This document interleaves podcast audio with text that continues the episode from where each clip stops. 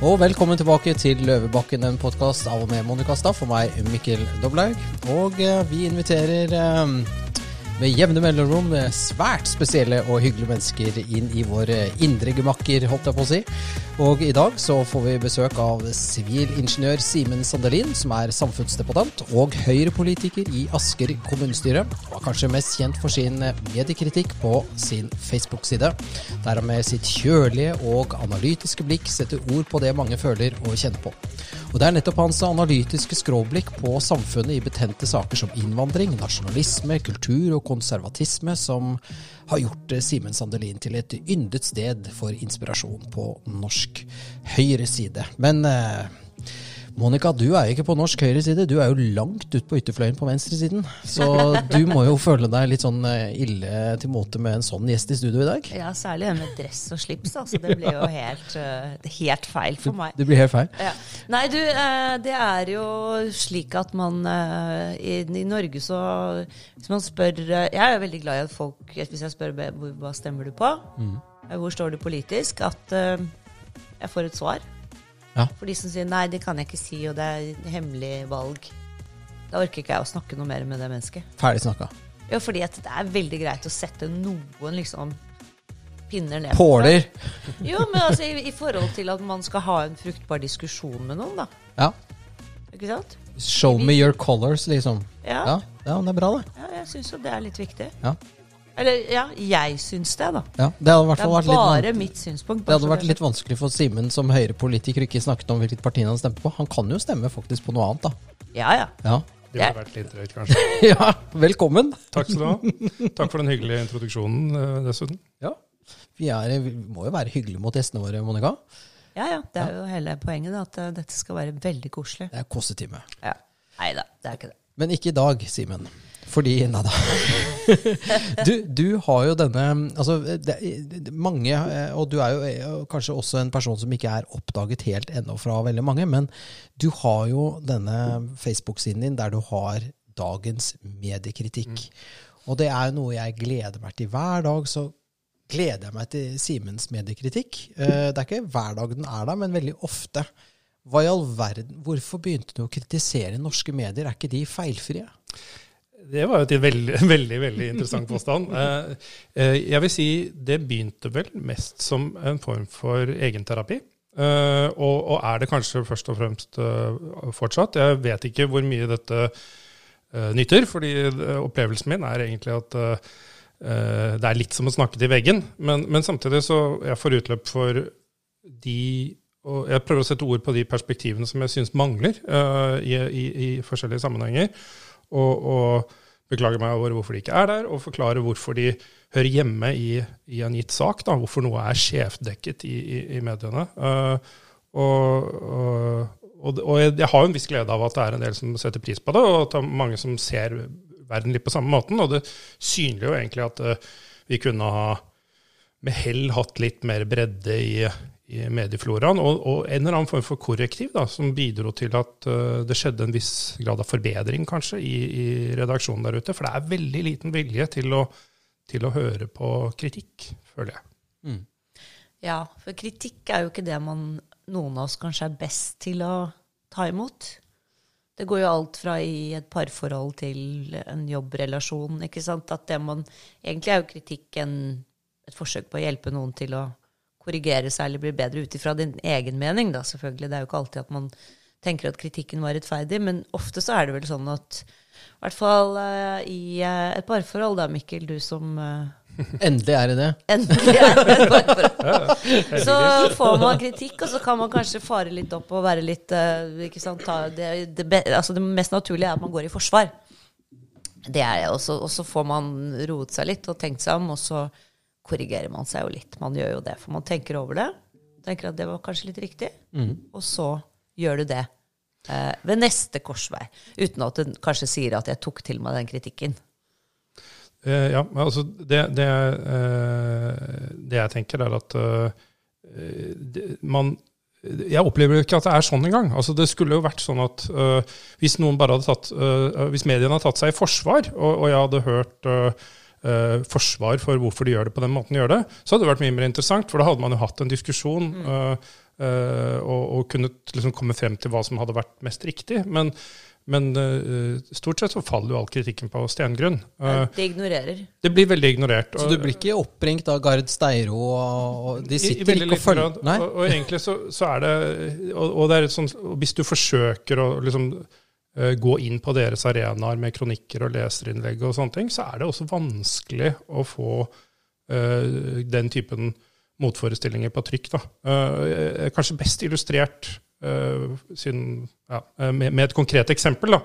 Nå, nå, i, nå i forrige uke, på tirsdag var det vel, så var det et sånt Urix, eh, en Urix-reportasje på NRK eh, som handlet om den britiske planen om å sende asylsøkere til Rwanda.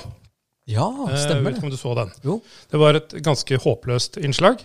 Fullstendig ensidig. Eh, De beskrev kun Altså, de hadde intervjuet folk på gaten i, i Storbritannia om dette forslaget. Alle sammen var negative. Snakket om at dette var en skam for landet, at det var brudd på menneskerettigheter, at det var, eh, de var beskjemmet av hvordan eh, det skulle være at man eh, forsøkte å gjennomføre et slikt forslag.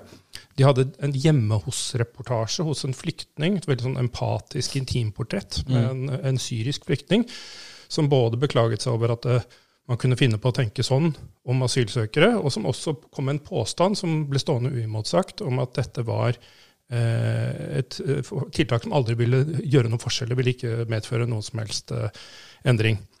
Det de, og, de, og så trakk de også fram at uh, Toryene lå bak Labour på meningsmåling i Storbritannia nå, som for å på en måte skape et slags inntrykk av at dette er upopulært.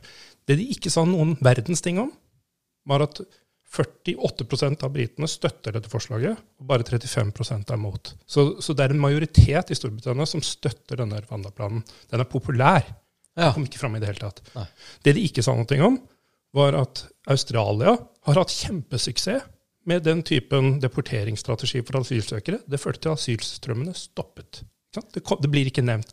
Det de ikke sa noe om, er alle de i det britiske samfunnet som rammes negativt av eh, innvandringen. Av, av liksom kostnadsstrømmene, av eh, grooming-gjengene, av velferdsordningene som går, ødelegges, av eh, NHS, altså helsetjenestene som blir overbelastet. Ingen av de tingene. Ikke nevnt med et ord. Det argumentet for hvorfor man trenger å stoppe asylstrømmen, var ikke nevnt.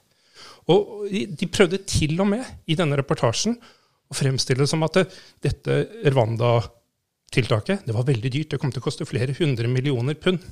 Ja, Eller milliarder kroner. Ja, eller milliarder kroner, da. Ja, ja.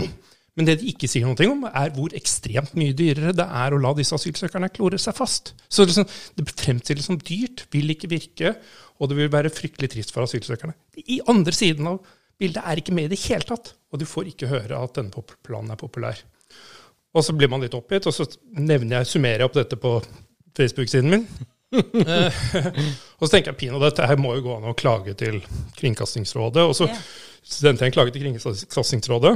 Den har jeg ikke hørt noe om eh, fortsatt. Men, men eh, jeg minnes også det å ha sett noen av disse drøftingene som de har hatt i Kringkastingsrådet om skjevdekning i NRK tidligere. Og tenkte at det, eh, det de ofte sier fra NRK-ledelsens side når de blir utsatt for den typen kritikk, er at ja, men vi har NRK Ytring. Og der, det, er- der slipper vi til raust med innlegg, og de skal være med å skape balanse, og, og sånn sett øh, Uh, om, om det kommer noe skjevt ut i en eller annen redaksjonell sammenheng, så er vi alltid raus med å liksom slippe til motforestillinger. Jeg sendte innlegget mitt til NRK Ytring. Det fikk jeg ikke på trykk. De hadde ikke plass på en digital flate hvor mitt innlegg kost, eller kanskje et par kilobyte med, med, med data. Altså, de har ikke lyst til å trykke denne kritikken uh, på sin debattflate. Så du, de, de stenger døren. Du vil ikke høre på den kritikken. De har lyst til at dette skal skje frem. Det, det er ingen annen måte å tolke det på enn at de ønsker at dette skal skje fremstilles i, i, i, på flatene sine. For selv om dette forslaget er veldig populært i Storbritannia, så er det ikke det i NRK.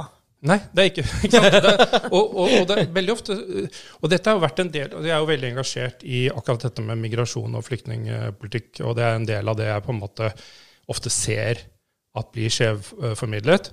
Og en av de tingene du, som, som typisk er ubalansert, er at når du går utenfor Norges grenser, der hvor nordmenn har få, vi har få egne holdepunkter for hvordan det samfunnet ser ut, eller hvordan holdningene er innad i det samfunnet, da lyver de på seg helt andre grader av skjevdekning av det samfunnet. For vi, vi vet ikke om det kan stemme. Altså, vi, vi, får på en måte stadig høre at hvis vi gjør et eller annet med flyktningpolitikken bare her i Norge, så vil vi komme utenfor det gode selskap, og, da vil vi bli stående alene i verden. Ja, da vil polakkene synes at vi er slemme og sånn. Og, alle, alle, vil, ja. alle, alle andre land hvor de er snille, vil da mene at vi er slemme. Ikke sant? Ja. Men hvis du leser den boken til Douglas Murray, f.eks., om Europas Uh, sørgelige uh, fall. Og, og, og, Strange Death of Strange Europe. Death of Europe, takk, yes, der har du ja, tittelen. Ja. Eller, eller, på en måte faktisk går inn og setter deg inn i politikken i hvert enkelt europeisk land, så ser du at denne motforestillingen mot migrasjon er enormt sterk overalt. Ja. Alle innbyggerne over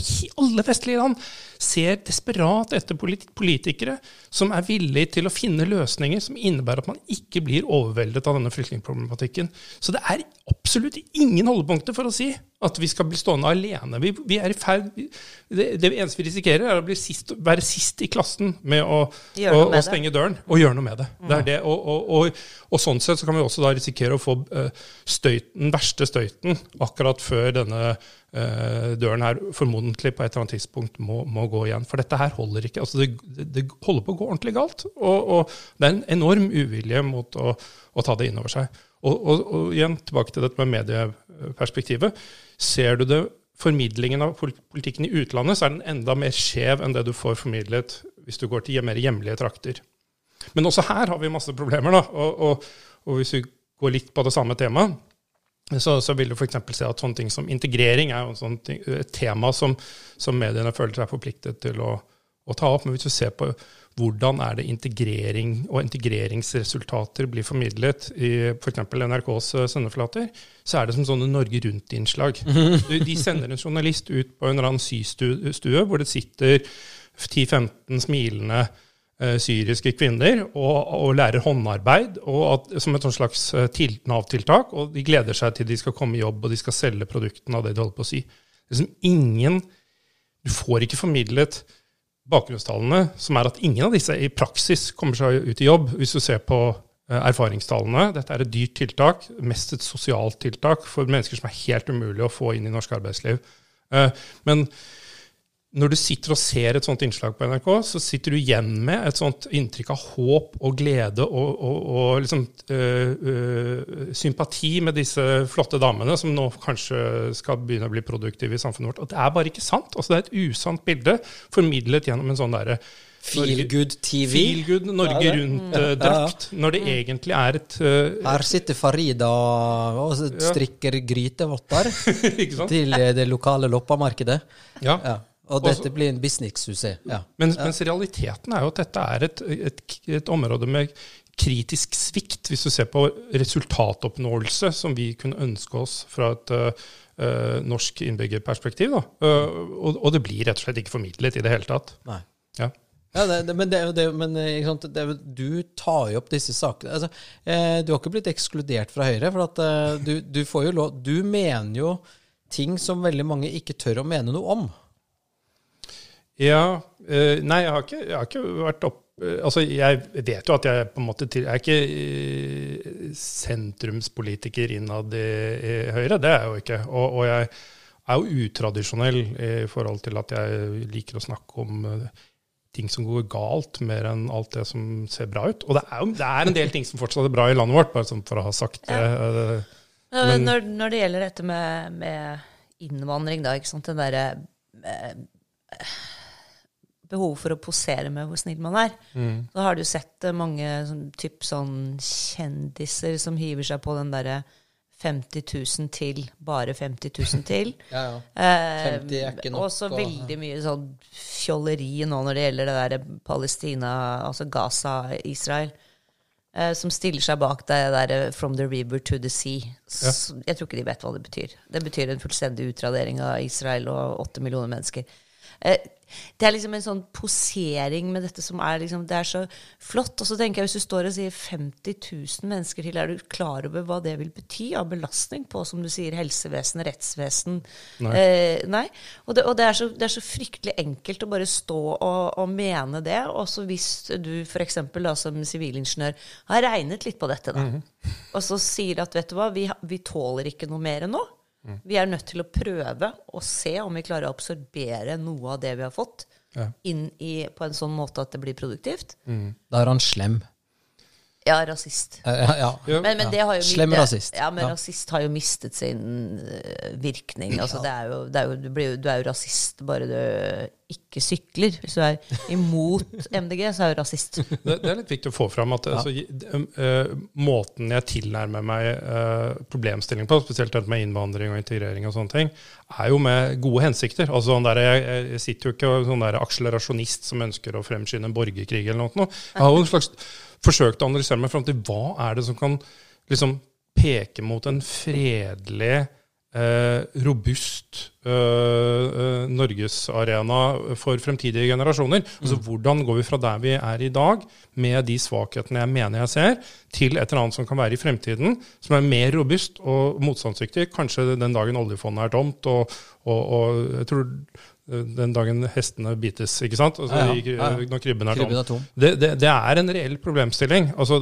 selv om vi er veldig rik, opplever oss selv som et rikt land i dag, så, så er ingen, ingenting varer evig. Eh, og, og, skal du virkelig gjøre noe substansielt for å styrke et samfunn og gjøre det robust, så må visse ting være på plass. Det må være et fellesskap der. Det må være et eller annet som, som, gjør at man ikke går løs på hverandre, men at man stikker hodene sammen og forsøker å, stå ut stormen når det blir vanskelig. Og Gudene vet hvor mange tiår eller om det er 100 år til den dagen kommer, men jeg tror det er naivt å forestille seg at den, aldri, den dagen aldri vil komme.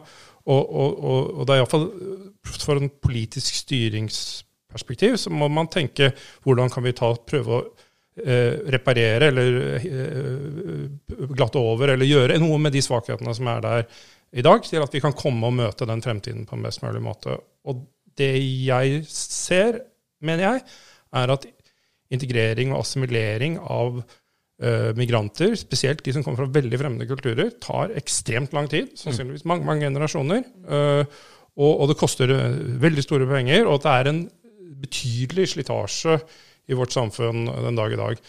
Så hvis vi skal ha ro, få ro og rom til å bevege oss mot dette målbildet hvor vi er mer robust som fellesskap, så må vi eh, ta ordentlig rev i seilene og, og, bare stoppe opp eh, med dette ta, her nå. Ta grep, liksom? Ja, ta gjøre grep for å, for å liksom Gi oss selv tid. Jeg tror det er tid mer enn penger og ressurser du kan kaste etter dette problemet. Gi mennesker tid, tid. til å erfare hva det vil si å være norsk. Og da må det være et eller annet norsk som det går an å integrere og assimilere seg inn i. Ja, For det er ikke helt Lillebjørn Nilsen, barn av regnbuen, ennå? Nei, nei. Sånn eh, når du tar T-banen eh, østover og blir knivstukket for at du har en fin dunjakke, eller altså det, er, det har jo det, Vi snakker jo om svenske tilstander, og det, det, har jo begynt å skje ting i Norge også. Det, det ser ikke jo helt bra ut. Ser, og, og, og, tilbake til dette med mediedekning og sånne ting. Så der mm. har du den der Vær varsom-plakaten, som de, jeg tror de gjemmer seg litt bak. Men det blir jo også i veldig liten grad uh, synliggjort for norske mediekonsumenter hvem det er som står bak den grove kriminaliteten i, i Norge. og, og blir, uh, det blir bare sånne erfaringer som folk gjør seg på, uh, på kammerset. 'Å ja, datteren din ble voldtatt.' Ja, ja, ja, uff, det var trist, ikke sant? Ja, mm. det var hvor kom han fra, liksom? Ja, uh, og så hører du skrives litt om det i mediene. Du, og, og, og, all den skolevolden vi har, f.eks. Uh, uh, det er ikke uh, veloppdragen vestkantungdom som på en måte gjør det. men det blir også fortiet. Men tror ikke du at akkurat den der fortielsen er liksom mot sin hensikt? Fordi i hvert fall ofte når det gjelder sånn drap som skjer, som er familievold, ikke sant? hvor det Eh, som oftest er det da eh, familiefaren har tatt livet av mor og barn. Ja. Eh, og de unnlater å, å, fortelle at dette er en eh, norsk statsborger av eritreisk opprinnelse, f.eks. Mm. Isteden så overlater de til folk å spekulere i det. Og jeg tror de aller, aller fleste av oss er klar over at veldig veldig stor del av den kriminaliteten blir begått av eh, folk fra, som har en annen kulturell bakgrunn enn oss. da. Mm. Ja, man- med, med ære og alt dette her. Informasjonen er der ute. Man finner ut av det, og, og så lærer man seg kodespråket hvor det står liksom 'norsk statsborger'. betyr da at det ikke er en nordmann. Absurd nok. Ikke Ja, ja, ja. sant?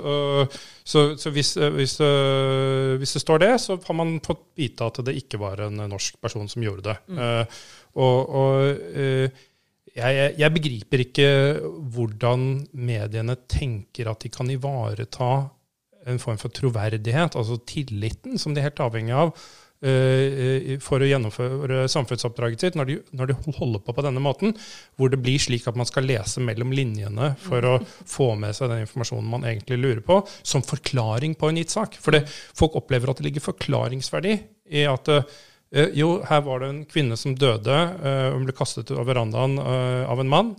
Ja, da har det ganske mye forklaringsverdi eh, at det var et æresdrap, og at det kom fra en sånn kultur. Altså, man, man ønsker å forstå samfunnet man bor i, og når dette blir fortiet, så blir jo folk eh, Så leter de frem informasjon til de forstår.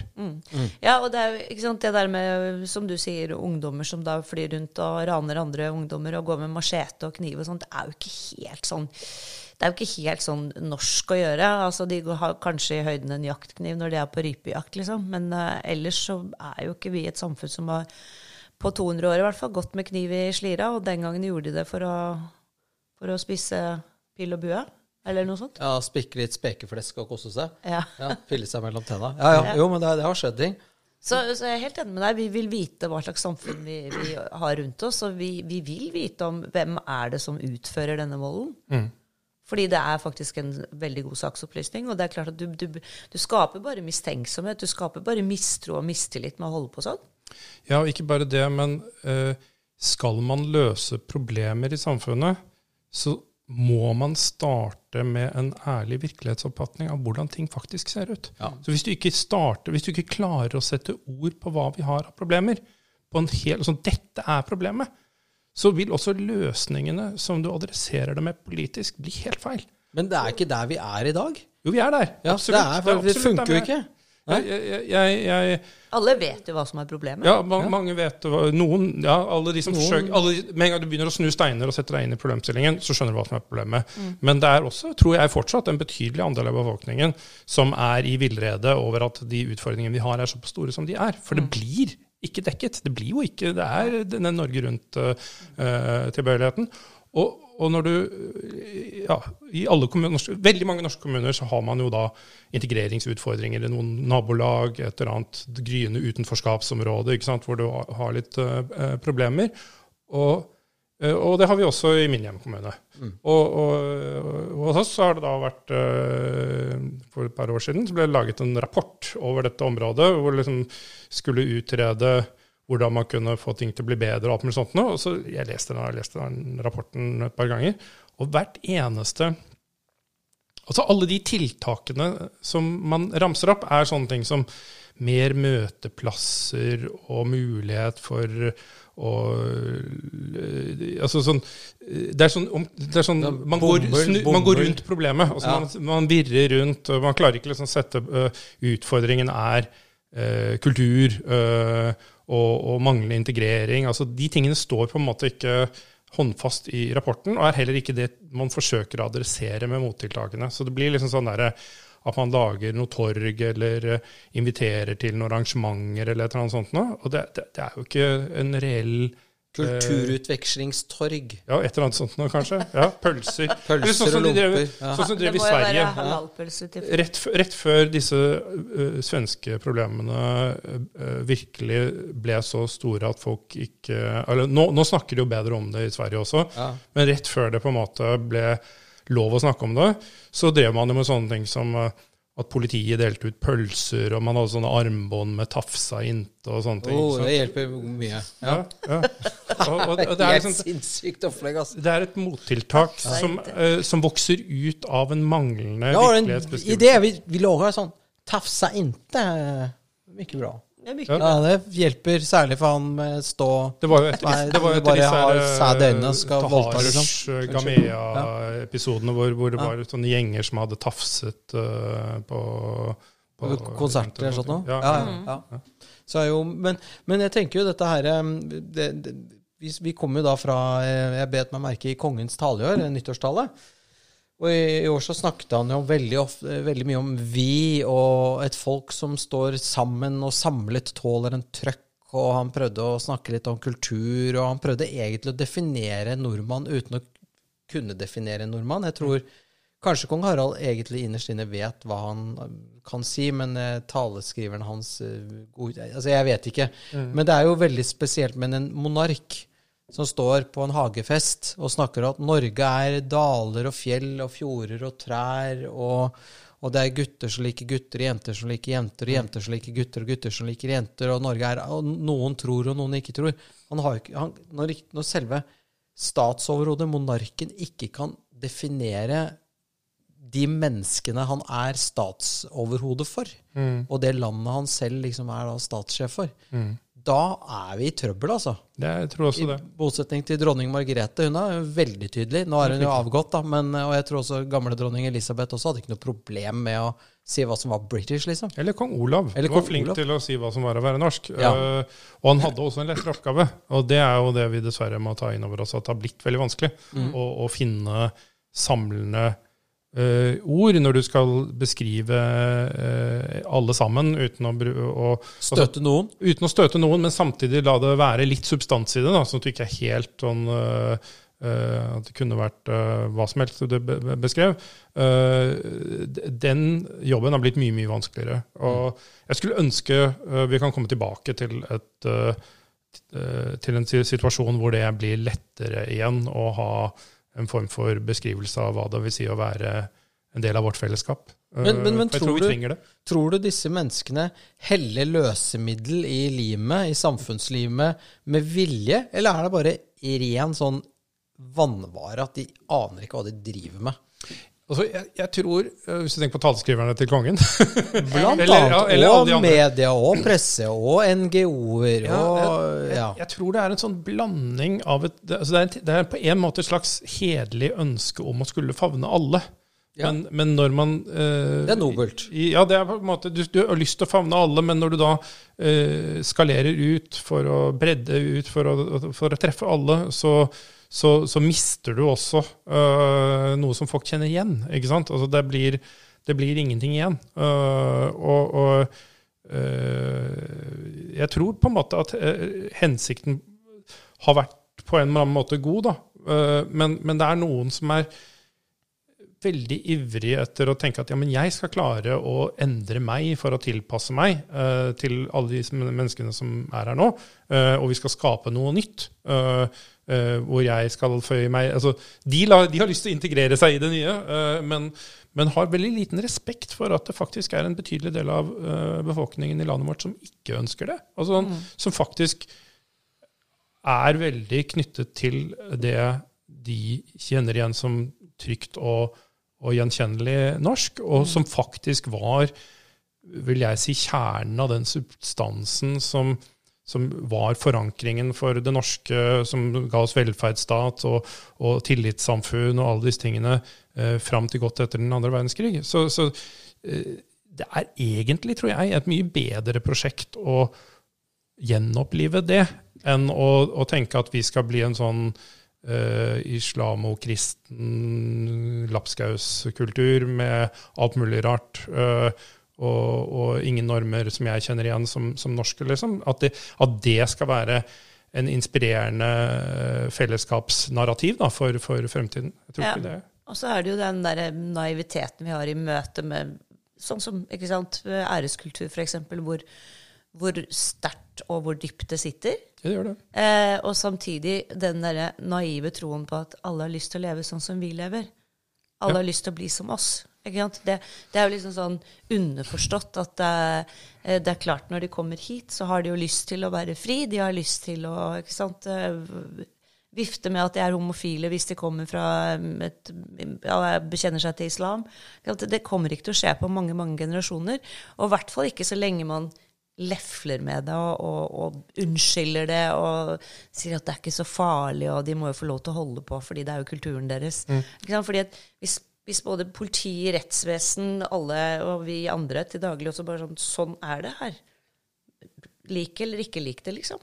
Ja, nei, jeg, jeg, jeg tror nok at den derre øh, naive, veldig naive forestillingen om at alle kommer til å bli som oss når de hit. øh, relativt raskt etter at de har liksom pustet litt norsk fjelluft og øh, fått passert svenskegrensen, den er nok Det er noen som tror det fortsatt, tror jeg, men, Ja. men, øh, men, men øh, det er nok ganske mange som har skjønt at det er virkelig ikke tilfellet. Men det var en veldig tydelig Det var et veldig klart argument i innvandringsdebatten for 20-30 år siden, så, så ble det fremmet. Ja, men alle de, kommer hit fordi Norge er fantastisk, og, og de har skjønt det. Så de, nå må vi bare vise dem hvor fantastisk det er, og så blir dette helt eh, supert. Men han, han lederen i Unge Høyre, um, Sønneby? Ja, han eh, har liksom tatt bladet fra munnen og, og, og, uh, og kastet seg inn i den debatten. Og det han sier nå uh, Hvis du sa det for tre år siden, så ble det jo eh, Da var det jo brun. Brun i kanten, og høyre radikal og ekstrem Høyreekstrem. høyreekstrem osv. Ja, ja. ja. Hvorfor kan eh, lederen for Unge Høyre si eh, ting i dag eh, som andre sa for tre år siden og ble stemplet som nazister? Hvorfor hva har skjedd? Ja, det er eh, noe positivt, vil Eller jeg si. Eller har Høyre blitt et nazistisk, brunt, eh, høyreradikalt parti? Nei, nei, det har skjedd noe positivt. Nei, ja, ja. På en måte noe positivt. På den annen side så tror jeg det har skjedd noe negativt gjennom at eh, en del av de konsekvensene som eh, eh, man snakker om for samfunnet, har blitt veldig mye mer synlig. Og, og det jeg tror har, har skjedd, og det har jeg vært litt med på å og, og tror jeg tar litt føring i, i debatten, har vært at vi har hatt et slags paradigmeskifte hvor innvandring har vært gått fra å være noe som kun diskuteres på migrantenes premisser. Altså det er for og mot hva som er best for migrantene. Var liksom alt, Selv Fremskrittspartiet i TV-sendte debatter om temaet innvandring hadde på en måte deres beste argument for at ting skulle gjøres på en annen måte, var at det var det beste for migrantene. Nå har vi kommet til en helt annen debatt hvor det handler om hva er det i alle dager som skjer med samfunnet vårt. Hva er best for oss? Eller, ja, altså, hva, hvordan skal vi håndtere det som har skjedd? Altså, Hvordan skal vi leve med stadig økende andel av våre felles velferdskostnader som går til å forsørge migranter? For det er jo det som skjer. Det er jo ikke sånn at det, ja, nå er det ledig på mottak, så nå har vi masse kapasitet. Det som skjer er at år etter år etter år etter år så øker den relative andelen av uh, offentlige midler som går til merkostnader ved migrasjon. Altså, nå er vi oppe i et par hundre milliarder, noen sier over 300 milliarder. Ja, Eh, ja, det- to, det- to til 300 var det vel? et eller annet ja, sånt ja, noe. ja, ja. Eh, og, og, og det øker. altså Kommer det 50 000 nye, så blir det beløpet større altså som andel av helheten. Så, så det blir mindre og mindre igjen til alle de andre. Og det er jo klart at det, det styrer jo mot en eller annen form for økonomisk eh, revesaks hvor, eh, som, som klapper igjen til slutt. Altså, Folk blir jo misfornøyd hvis alt skal gå av fellesskapets Nei, midler. Jeg hørte et sted ja, at det var, jeg, var det Sløseriombudsmannen, eller var det noen som, som hadde regnet på at det, eh, det, det går på en måte skatten fra fem håndverkere, da, eh, Mm. elektrikere eller eh, rørleggere eller forskalingssnekkere, fem håndverkere, deres skatt går til å holde én Flyktninger en, en flyktning i livet i Ja, året. ja. Da er det ikke noe penger igjen til forsvar, skole, vei, universitet, forskning osv. Politi, rettsvesen. Ja. Det, det, og det er fem Ja, Ola, per én! Olas Bjørn Næss og Kjell Erik Eilertsen fikk jo høre det når de var og gjorde dette her og innvandringsregnskapet for Finansavisen i sin tid. Ja. At de mente, Da var det kilder som sa til dem at øh, hele det oljefinansierte underskuddet i statsbudsjettet er å regne som øh, merkostnader ved migrasjon. Øh, så det er et kjempebeløp. Det, det er liksom, og det er bare én del av dette kinderegget med problemer som vi får. Altså Det andre er jo da kulturen og det vi har snakket om med, med Æreskultur og ja, æreskultur, men også det at vi, liksom, vi finner jo ikke felles normer og verdier for hvordan retning vi skal ha for samfunnet. Vi klarer ikke å snakke om et fellesskap. Og så har du konsekvenser som kriminalitet og ubehag, rett og slett, knyttet til uh, at det ikke fungerer spesielt bra. Så alt dette her er jo ting som gjør at det ikke fungerer. Men det viktigste endringen som har skjedd siden fra 2015 og frem til i dag, de siste ti årene, da, for å si det sånn, er egentlig dette skiftet hvor vi begynner å snakke om samfunnskonsekvensene, og hvor man så smått snakker om dette fremtidsperspektivet som, som, som, jeg prøver å sette fokus på. altså Hvor er vi om 50-100 år uh, med samfunnet vårt, uh, og hvordan skal dette gå, rett og slett? ikke sant? Du må, du må prøve å ha en, en troverdig historie om både økonomi, kultur og fellesskap i et sånt 50-100-årsperspektiv. For det er den typen uh, uh, Iallfall den typen tidsperspektiv disse irreversible samfunnsendringene har, med tanke på hvor lang tid det vil ta å løse det. Mm. Og, så, ja. ja. har du det, ikke sant? det tilbake til det naive, sånn som med politiet som skal bruke dialog med da ungdommer som kommer fra en kultur hvor det å dominere er det viktigste. ikke sant? Mm. De skal, det skal dominere, de skal vinne. Det, du merker det, det skal liksom skrikes, ropes. De skal eh, dominere og vinne. Og så er det klart, De ler seg jo sikkert i hjel av politiet. Ja, de ler seg i hjel av politiet. Og så har du jo dette ja, altså hele dette temaet med fornedringsvold. Mm. Uh, apropos mediekritikk og sånne ting. Uh, det er jo et reelt tema. Altså unge, unge norske gutter som blir fraranet ting, eller mm. blir fornedret. Må kysse sko og Ja, ja den, type, den typen overgrep. da. Ja, ja, ja. Uh, det, det, det, det, er en realitet ute i samfunnet vårt. Men hvis du leser avisene, jeg er tilbake til dette med mediekritikk, ja. så får, blir du uh, tytet hu, hu, ørene full av uh, rasisme og, og at uh, altså, folk som kommer fra minoritetsgrupper, føler seg ulempelig dårlig behandlet. ikke sant? Og, og, og, det er en sånn dissonans da, som jeg tror er kjempeskummel. fordi det skaper altså Når folk hører du er slem, du er rasist, og så går de ut på gaten og så erfarer de at det er helt motsatt. Mm. Da blir man sint, tror jeg. Jeg tror man blir mm. sint. Jeg tror det er koke, kjempeskummelt. Det begynner mm. å koke. Var det, en, var det, du som skrev at uh, hvis de liberale uh, ikke vil stenge grensene og, og, og, og, sier at alle som vil gjøre det, er, er slemme, så ender vi opp med fa og fascistene er de eneste som, som, faktisk vil gjøre det, så ender det opp ja. med at folk faktisk stemmer på fascistene til slutt. Da. Det var, er det Han heter uh, Yasha Munch eller noe? Ja, jeg skrev det i Atlantic. Uh, ja, det at uh, if, uh, if If liberals keep insisting that only fascists will protect borders, then voters will hire the fa job, fascists to, to do, do, the job, job that ja. liberals won't do. Ja. Det var det han sa. Ja. Og det er noe sannhet i det, tror jeg. Det er noe vi kanskje begynner å se snart. Og det, og det er liksom derfor jeg klorer meg fast tilbake til det med Høyre-medlemskapet og, og, og, eksklusjon, håper jeg da ikke det kan uh, få. Jeg er jo tøff i replikken og sier ting som mange syns er vanskelig å sette ord på, men, men jeg tror det er kjempeviktig at det er partier med lange demokratiske tradisjoner som ikke tipper over en eller annen grøftekant med å begynne å dehumanisere og, og, og, og skape konflikt, som tar regien i å forsøke å rette opp de feilene som har vært gjort. Mm. Uh, altså det, det, det, krever stor statsmannsevne uh, å, å, å, ta lederskap til en omstilling og kommunisere at dette må vi gjøre noe med, uten at det skal være uh, noe som skaper mer fiendtlighet og mer antipati mellom grupper i samfunnet vårt enn det mm. vi kanskje allerede har. så, så det er mange som har liksom drømt om å starte nye partier og sånne ting. Jeg tror det er kjempeskummelt, for du lokker til deg masse mennesker som har veldig store Sikkert klarer å sette ord på mange av disse tingene som jeg også snakker om, men, men eh, de, de, mangler på en måte den, eh, de fibrene i organisasjonen til å liksom forstå uh, at du ikke må på en måte glemme menneskelig hensyn oppi det hele. Mm. Uh, så, så, jeg liker det å være en uh, ærlig stemme, håper jeg, i, i, dette her. Og insisterer også på at jeg er velmenende. Men uh, jeg er jo litt kranglefant, da. men uh, ja, det er absolutt, liksom. Nei, uh, men hvem tenker du i Høyre, da, f.eks., som har denne statsmannskapen i seg til å ta en sånn rolle? Skulle ønske at Svenneby var ti år eldre, for å si det sånn. Men han liker jeg veldig godt. da. Han er, mm. han er kanskje Jeg er litt skarp og litt tøff. han er enda rundere og kanskje enda Uh, flinkere til å nyansere dette med perspektivet med at vi uh, alle er mennesker, og, og, at man ikke skal på en måte demonisere. Uh, men han har kjempegode talegaver, kjempegode Jeg opplever at han ser disse problemene veldig tydelig, og, og, kunne vært eh, en kjempegod kandidat eh, til å på en måte eh, gjøre partiets budskap på dette området eh, mer troverdig. Eh, og, Mm.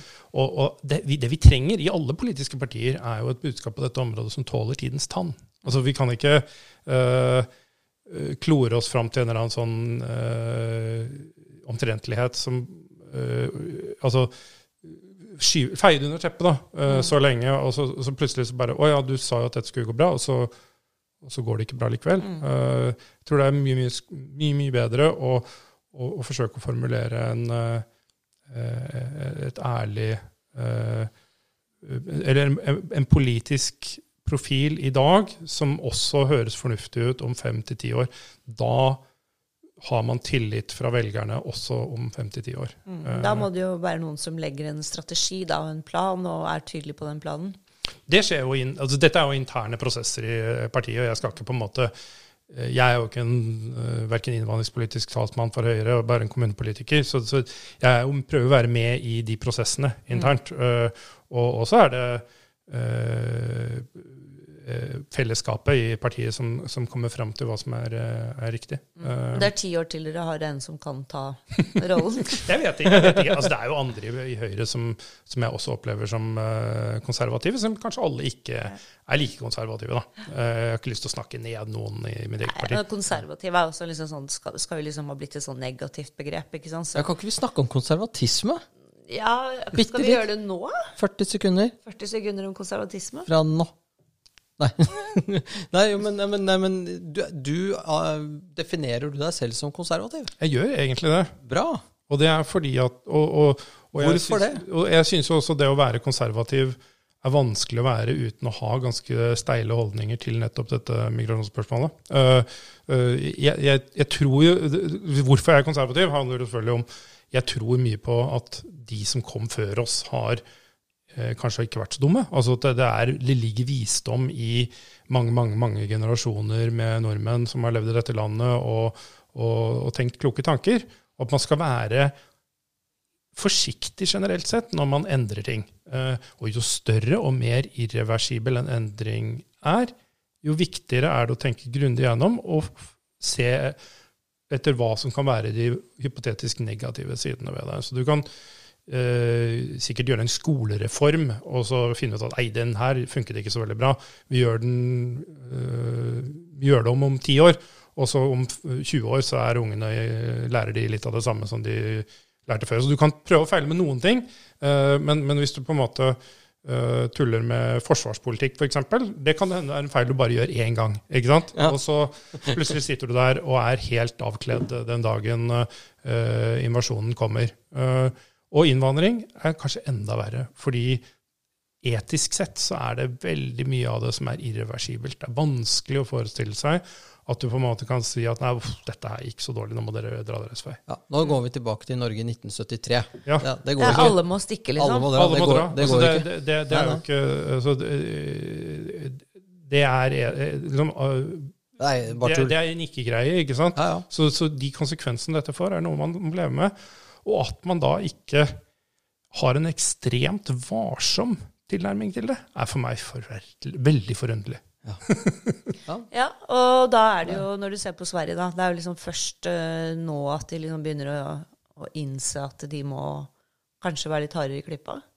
Ikke det sånn tafsa-armbåndet ikke funker lenger. Ja. Og det er jo det som også er litt sånn skummelt, når, du, når det har gått så langt at du må dra inn tøylene skikkelig, da. Så det går jo også utover alle, da.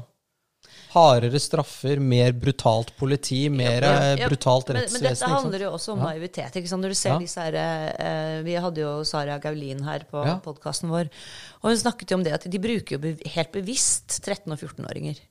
Til f.eks. å sende det ut og knivstikke. Altså alt mulig som er straffbart. Eh, de er under den straffbare Hva heter den? Så, eh, kriminelle lavalder. Ja. Mm, Ja, ja, ja. Så de, altså helt bevisst så bruker de altså barn til å gå ut og gjøre de verste tingene. Ja. For de vet at de ikke blir straffet. Og så skal vi late som om det ikke er tilfellet. Ikke sant? Og, da, det er sånn at skal, og det, ja, det er litt sånn Skal de senke den eh, kriminelle lavalderen til eh, 13 år, da? Ja, og det, da og det, er er, det og er da er det vanskelig får å gjøre. Da sender vi kanskje ut 11-åringer. ja, ja, Ja, men, og det er det som er problemet, at da ikke Da kommer syvåringene med kniv.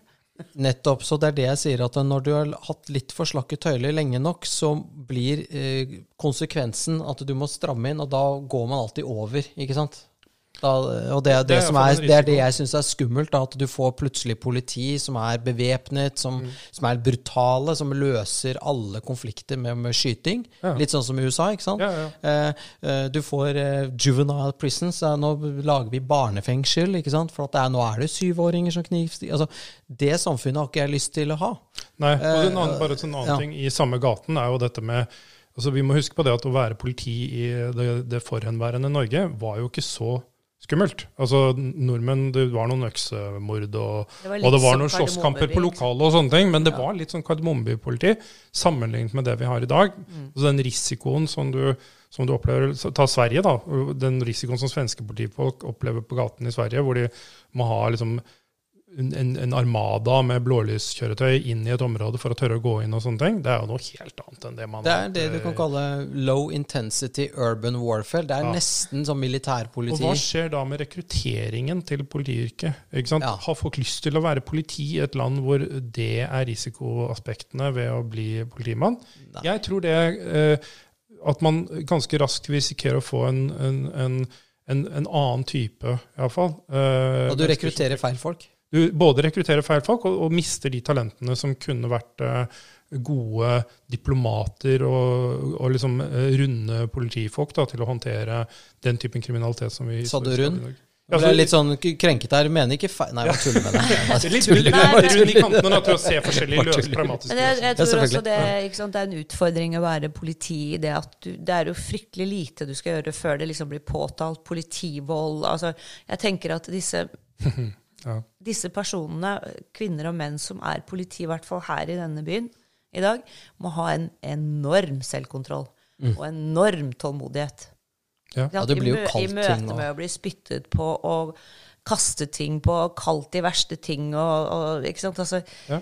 de, de har ingen muligheter til å ta igjen på noen måte. Hvis noen skulle miste besinnelsen i fem sekunder, Og det man reagerer så på, er du på førstesiden av VG. Ja, og, og, og- og det, det skumle er jo også at eh, hvis du prøver å følge mediebildet da, av hva de forsøker å fremsnakke av løsninger for dette her, så er det å gjøre det enda mer vanskelig å, å utøve politiyrket. F.eks. sånne ting som den der kvitteringsordningen. Ja. som da, Hvis du har stoppet noen, så skal du liksom kunne gi den personen en kvittering for hvorfor du gjorde det. Eh, eh, ment da selvfølgelig for å eh, Stoppe politimannen i å gjøre det, ja. politifolk fra å liksom kunne anholde liksom gripe inn der hvor de mistenker at noe, noe kriminelt eh, foregår, og heve terskelen for at eh, det skal skje. Jeg, jeg ser bare det som en, en trussel for tryggheten i samfunnet. eh, at man skal innføre en sånn. Og det er det som på en måte blir fremsnakket eh, politisk, eller òg da i mediene. Mm. Det er liksom riktig å Ja, du, du, du har ofrenes parti. Og politifolket er jo makta, vet du, så det, det er alltid sånn. Du bare Husker du den Kongsberg-Kongsvinger-saken med han som ble lagt i bakke på den bensinstasjonen? Kongsberg, ja. Kongsberg. Og så mye politivold og sånn, så viser det seg sånn i etterkant at han er jo en ordentlig gessel, og det har jo ikke bare vært første gangen han har vært i klammeri med politiet, og visstnok fant de jaggu meg et automatvåpen og greier hjemme. Altså, når han politimannen legger han ned, så er det for at han vet at den personen der er farlig, og her er det en historie, ikke sant? ja. Er jo, Mens ja. han får da se taletid. Ja, Eh, og av gråter. de. Ja, og det var så forferdelig. Og Dagbladet har tatt kom side. helt ut av, tatt, rett ut av løse luften at han ble tatt ned på den måten. Ja, Det var som lyn fra klar himmel at Ja. det skulle skje, ikke sant? Ja. Og det, dette er ikke bra. Så Du skal er det en troublemaker. Ja, du skal høre på øvrigheta, er det ikke det heter? Jo, nei, altså Jeg skal være forsiktig med å uttale meg om Ja. eh, ting som på en måte har vært oppe i rettssystemet, og sånne ting, men, men eh, jeg husker jo saken, og den Ja. Eh, det, han fikk veldig hard medfart, han politimannen, og ble jo forhåndsdømt i, i mediene så til de grader. Ja. Eh, det gjør han.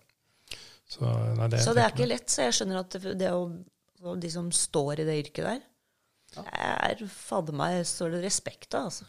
Og jeg tror vi vil, ha, vi vil ha gode mennesker til å være politi. Mm. Eh, Ja. og, og, og, og da kan du ikke på en måte gjøre, gjøre sånn som at, nå, nå bare, at vi skaper masse, masse problemstillinger som eh, medfører kriminalitet, og så tro at eh, Ja, nei, det er jo ulovlig, så dette skal politiet eh, håndtere. Altså, hun- der, hva heter hun, Annie Løf hadde, er kjent for det sitatet borte i Sverige, hvor hun sa at uh, i Sverige er det forbudt å begå kriminelle handlinger. Ja. Så det var liksom ikke et tema. Hun er, Annie Løf er et oppkomme av gode sitater. Hun er jo faktisk dum som Så det er forbudt, ja. Ikke si noe stygt om Hun er heldigvis altså. ute av politikken uh, nå. Ja. Men, uh, men, men vi, vi kan ikke på en måte tro at de problemene, ikke de problemene vi skaper, bare går an å kanalisere inn i en sånn der eh, oppsamlingsboks som politiet skal ta hånd om. Det likte løser jeg. seg Du er den første politikeren som sier problem. Dette har vi jo Mm. snakket om før. Forskjellen på et problem og en utfordring. Det var eh, Tino Sanandaji som vel eh, gjorde meg oppmerksom på det med den boken han skrev om masseutmåning, altså masseutfordring, Ja. som han ga ut for en del år tilbake. Ja. Hvor han angrep den der bruken av utfordring, og isteden uh, mente at man måtte snakke om et, et Problem. problem ja. Utfordring er Ja. Utfordring er mer positivt ladet. ikke sant? Ja. Så da, da kan vi si at det, det er jo bare en utfordring vi har. Dette tar vi tak i nå, så fikser vi det. Ja. Ja. Det Problemet er mer eh, Det må løses. litt vanskeligere å fikse. Og så er ofte en utfordring er noe du selv Altså, jeg vil gå til Galdhøpiggen på 45 minutter barbeint. Det er en utfordring. Mm, Uh, og hvis jeg ikke klarer det, så er det jo liksom det var litt dumt, det, da, for selvfølelsen kanskje, men det har jo ikke noe reell Konsekvens. og kan du ta noe sammenlignbart som du vil kalle et problem? Med Ja, huset brenner. det brenner inne på kjøkkenet. Bare det står flammer oppe etter veggen. Og da er det litt dumt av brannvesenet liksom Ja, det er, en, eh, det er bra du ringer eh, 113 her nå. Det er en utfordring. Da syns jeg vi skal snakke litt om det. It's not a fucking challenge, it's a fucking problem, man. Det er sant, det. Ja, nå ble det litt sånn pip og Sorry, vi må, nå ble denne episoden exquisite, eller hva det heter for noe. Eller quick, jeg vet Samme det. Du er kommunepolitiker eh, i Asker. Du er jo ganske fersk. Du kom inn i fjor. Ja, i Eller det høst. valget som var, ja. Ja. ja. i. Eh, hvor- Hvordan har det vært å komme inn i kommunen, bli folkevalgt? Bli folkevalgt, det var Ja. for det første en sånn kjempeanerkjennelse. Det var veldig, veldig eh, hyggelig å Ja. eh, se at hei, noen har sett kryss ved navnet mitt på stemmeseddelen og, og tror at jeg kan eh, Ja, Så du ble være kumulert inn, som det heter? ja, det er, jo, Ja. det er jo veldig mye det som er mekanismen i kommunevalg. Kom, Kumuleringen er kjempeviktig. Så jeg hadde eh, nok eh, både støtte i eget parti, og så hadde jeg nest mest sånne eh, Slengere. slengere fra ja. andre partier da, som, Ja. som, eh, utenfra som syns at eh, altså, Etter ordføreren så var jeg nest mest populær. Så Ja. det var veldig hyggelig. Ja, Eh, det så jeg er klarte å snike Lene meg inn. Konradi, ikke sant? Lene Konradi. Ja, hun er en veldig flott dame. Jeg liker henne. Så gøy. Så Ja. da, ja, men, for det er litt viktig å huske på at det er jo liksom, du er nå valgt av folket for å gjøre en jobb. Mm. Eh, og hvordan var dette med konstituering og komme inn i saksdokumenter og utvalg og Nå skal de bare kverne deg ned, vet du, så du orker ikke å skrive mer eh, pressekritikk etter hvert, du nå. Det er, eh, Helt ærlig så er det en veldig interessant opplevelse. Og, og man, eh, som helt fersk så, så, så må man liksom lære seg hvordan er det egentlig politikken utformes, da, altså når du konkret eh, gjør ting i et kommunestyre.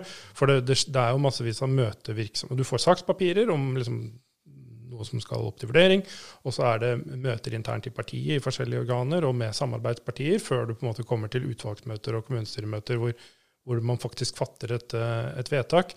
Og den derre teften til å se i hundrevis av sider med saksdokumenter hvor er det politikken i dette ligger? Eh, og hvor kan man være med å sette et eh, lite avtrykk på eh, vedtaket som skal fattes? Og hvordan jobber Det må du se litt tidlig. altså Du må se det først, og så må du passe på at du klarer å overbevise dine partifeller og, og de andre partiene om at det eh, kan være greit å få til en sånn, sånn kursjustering. Og da må jeg innrømme at uh, dette er, uh, der er jeg fortsatt i en læringsprosess. Ja, det er for sent når du kommer til kommunestyremøtet, i hvert fall. Da er det, da er det allerede Hvis du på en måte reiser deg sammen med opposisjonen fordi du er uenig med ditt eget parti på kommunestyremøtet, så har det veldig lite for seg. ikke sant? Så du, du må på en måte ta det opp litt før det. Men det er veldig spennende, og det er uh, eh, Det forsterker jo mitt inntrykk at politikere har et Syns jeg, da, et uforholdsmessig dårlig rykte, egentlig. For det ser du på lokalplan eh, på folkevalgte, så er det jo massevis av mennesker som er genuint opptatt av å skape gode løsninger. Altså, Man lytter til alle, prøver å finne se alle sider av en sak, tenker grundig gjennom konsekvenser og, og gjør så godt man kan. da, Setter seg grundig inn i sakene. Eh, Så eh, de aller sinteste eh, protestvelgerne der, der ute, som er overbevist om at eh, politikerne er ute etter å, å ødelegge for dem, de, de har nok eh, altså Jeg ser litt hvor det kommer fra. da. Jeg ser, jeg ser nettopp det der med du ser at du, løy, at du blir bløffet til av journalister som er eh, politisk aktivistiske. eh, og, og så mister de tillit, og så mister de tillit til alt. Men det er det er ikke helt riktig bilde. da. Altså, det er noen områder av den offentlige fortellingen, narrativene som man hører i offentligheten, som absolutt er naturlig å, å utfordre. Men, men det betyr ikke at politikerne vil deg vondt. Eh, så, så det har jeg lyst til å avkrefte. da. Uh, det er ikke det jeg ser som politiker. Men tenker du at de blir liksom ødelagt på veien, da? eller? Jeg tror man blir I kverna, liksom? At de blir eh, ikke sant? Det blir for mange kompromisser. Og, og etter hvert, altså hvis du ser på den eh, de regjeringen vi har og har hatt, da, og med alt det der surribalset med pendlerboliger Og det har ikke bare med, med Arbeiderpartiet å gjøre, bare så det er sagt. Men eh, og hun eh, stortingspresidenten som alle har glemt, som liksom bodde på gutterommet til Giske altså, og, men, allikevel fikk kjøregodtgjørelse, for hun bodde så og så langt fra altså, Og mastere og altså, Copy-paste og vennetjenester og Ja. venninner i styret. Altså, det er det jo ikke bra. ja, det er eh, Det har vært mange eh, unoter. Jeg ser det. Og, og, og det skader jo ryktet til eh, politikerne. Eh, voldsomt, vil jo da, jeg si. jo da. Jo da. Eh, og og eh, kan si at ja, de er mennesker, de også, men noen av disse overtrampene har vært eh, eh, ikke bra. ikke sant? Eh, eh, men men eh, hvis du spør hva er det som likevel er årsaken til at politikerne fatter dumme beslutninger i en del saker, så tror jeg at eh, man blir litt uh, kidnappet av uh, nettopp de offentlige mediefortellingene. Og, og, og gjøre litt sånn som jeg gjør, da, hvor jeg sier at nei, vet du hva, jeg går i opposisjon til f.eks. da Palestina-aktivismen i, i, i, som jeg opplever fra hovedstrømsmediene, eller liksom veldig tydelig kritisk til det bildet man blir fortalt om flyktningpolitikk og migrasjon, mm. så, så har du jo en, eh, det er en mye lettere posisjon å på en måte bare eh, stryke katten med, med hårene, eller hunden med hårene, og så, og så, og så eh, prøve å posisjonere seg i midten av det man opplever at er den offentlige fortellingen om uh, hvor en sak står. Da er du på et veldig trygg grunn. Det er veldig ufarlig å på en måte innta de perspektivene. Så det er mange, veldig mange politikere som er bare Ryggmargsrefleksen deres er å på en måte forsøke å finne ut hvor er det eh, folk flest hva, hva er det folk flest er forledet til å tenke om denne saken? Og så skal de også mene det samme. Og, og, Men hvis vi vet at folk er forledet, til at det som er fakta, er noe annet, hvorfor henger de seg på det da? jeg er litt usikker, altså der er jeg litt usikker da, på om de som gjør dette her, faktisk ser at folk er forledet, eller om de også er forledet. Jeg tror kanskje det er litt av det siste. at de, folk lar seg, Hvis ikke du er litt nerd da, på et eller annet politisk område og aktivt går ut og søker alternative eller kompletterende, balanserende perspektiver på den saken, og liksom ser Dagsrevyen hver kveld og tenker at dette her er eh, balansert, ja, så ender du kanskje opp med å bli påvirket uh, selv også. Eh, Så jeg tror ikke nødvendigvis det er ondsinnet, men de blir påvirket av en fortelling som, som er ganske lett å la seg rive med av. Da. Ja, Og som burde være ganske lett å gjennomskue, spør du meg. Hvis du faktisk er politiker og sitter med så mye informasjon som du gjør, gjør om samfunnet, at du liksom der fortsatt sitter og lar deg rive med Mm. av en fortelling som ikke stemmer i virkeligheten. Det er Jo, jo men- det som er skremmende, for jeg tenker Tror de på dette her? Mm. Altså, for det, det er jo det skumleste av alt. Hvis de faktisk tror på det. Ja. Jeg, jeg vet At de ikke bare ljuger fordi at de vil et eller annet sted. Ja. Det Men, kan jo være eh, en blanding av det. da. At ja. Du ser ikke når det er, du har ingen fordel av å mene noe annet. Nei, men Du har ingen fordel av å kritisere norsk eh, flyktninghjelp vet du, hvis du er ordfører, nei, byrådsleder og har lyst til å få den jobben. Ja, det er, det er nettopp Sånn, sånne ting. Ja, Men eh, vi, uh, vi pleier alltid å prøve å holde oss innenfor en time. Ja, vi begynner sånn å nærme oss en time Sånn nå, at vi. eh, ungdommens attention span, at de kanskje hører på oss. Men jeg bare en siste ting. Ja. Du har meldt deg til statskirken, du. Ja, Det har jeg også gjort. Mm. Hvorfor det? Det, det, er jo, det var en uh, konsekvens av at uh, jeg um, ser den bevege seg stadig mer til å bli en sånn venstreorientert politisk eh, organisasjon. Mer enn det er en, den kirken, og sånn som en religiøs øh, ja. Øh, Så jeg bare kjente meg ikke igjen i jeg har ikke lyst til på en måte at min, mine penger som jeg betaler som skal, over skatten, skal gå til å, å, fremme masse politiske perspektiver som jeg egentlig er uenig i. Mm. Uh, så det, det, gjorde jeg vel uh, for er det et og et halvt år siden eller noe nå. Da var det en eller annen sak som fikk meg til å bare tenke at dette her kan ikke jeg være med på lenger. Mm. Uh, det er veldig trist. Ja, hva skjer? Er du meldt deg inn i en annen kirke, holdt jeg på å si, eller er det sånn Nei. svevende? Eller, ja, vet, jeg, jeg, jeg, min datter konfirmerte seg uh, humanetisk, så jeg har fortsatt meldt meg inn i uh, Human-Etisk Forbund. Men jeg er jo heller ikke spesielt begeistret for de står politisk. Da, Nei, de, det er akkurat samme ulla, altså. Men, men uh, da var det kremmeren i meg som fant ut at jeg fikk billigere konfirmasjon hvis jeg meldte meg inn i Human-Etisk Forbund. så du er en av fordels, enn så lenge medlem der. fordelsfolkene? ja, jævlig bra. Det, det, er faktisk en far som liksom bare prøver å kjøpsåsla ut av den her, altså. Det må jeg si. Ja. Nei, jeg, jeg er jo fortsatt medlem av statskirken, har jo absolutt sett det du sier, og med biskoper som er mer politiske aktivister enn de er biskoper. Uh, men jeg, jeg, liker jo den kulturbæreren som faktisk Kirken enda er, da.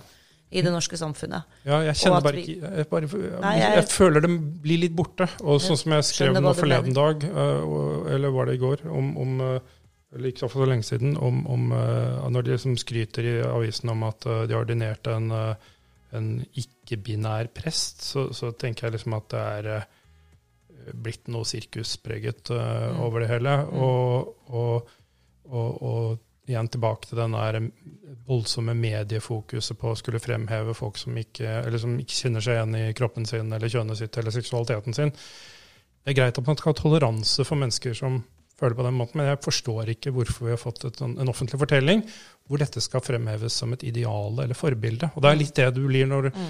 nå er du ikke-binær og prest. Du er forbilde, mm. Eh, og du har eh, veldig rare forestillinger om, om kropp og seksualitet. Eh, underlig. Veldig mm. rart at dette skal liksom skyves frem som et ideal. Mm. Jeg tror ikke det er sunt for verken kultur eller, eller samfunnet. Og usikre unge mennesker. Og, ja, det påvirker Det er jo et tema for en helt ny time, tenker jeg. Ja, det er det. det er det. Tusen takk for at du eh, kom til oss. Ja, takk skal du ha. Veldig hyggelig. Veldig hyggelig. Simen Sandelin, Høyre-politiker i Asker.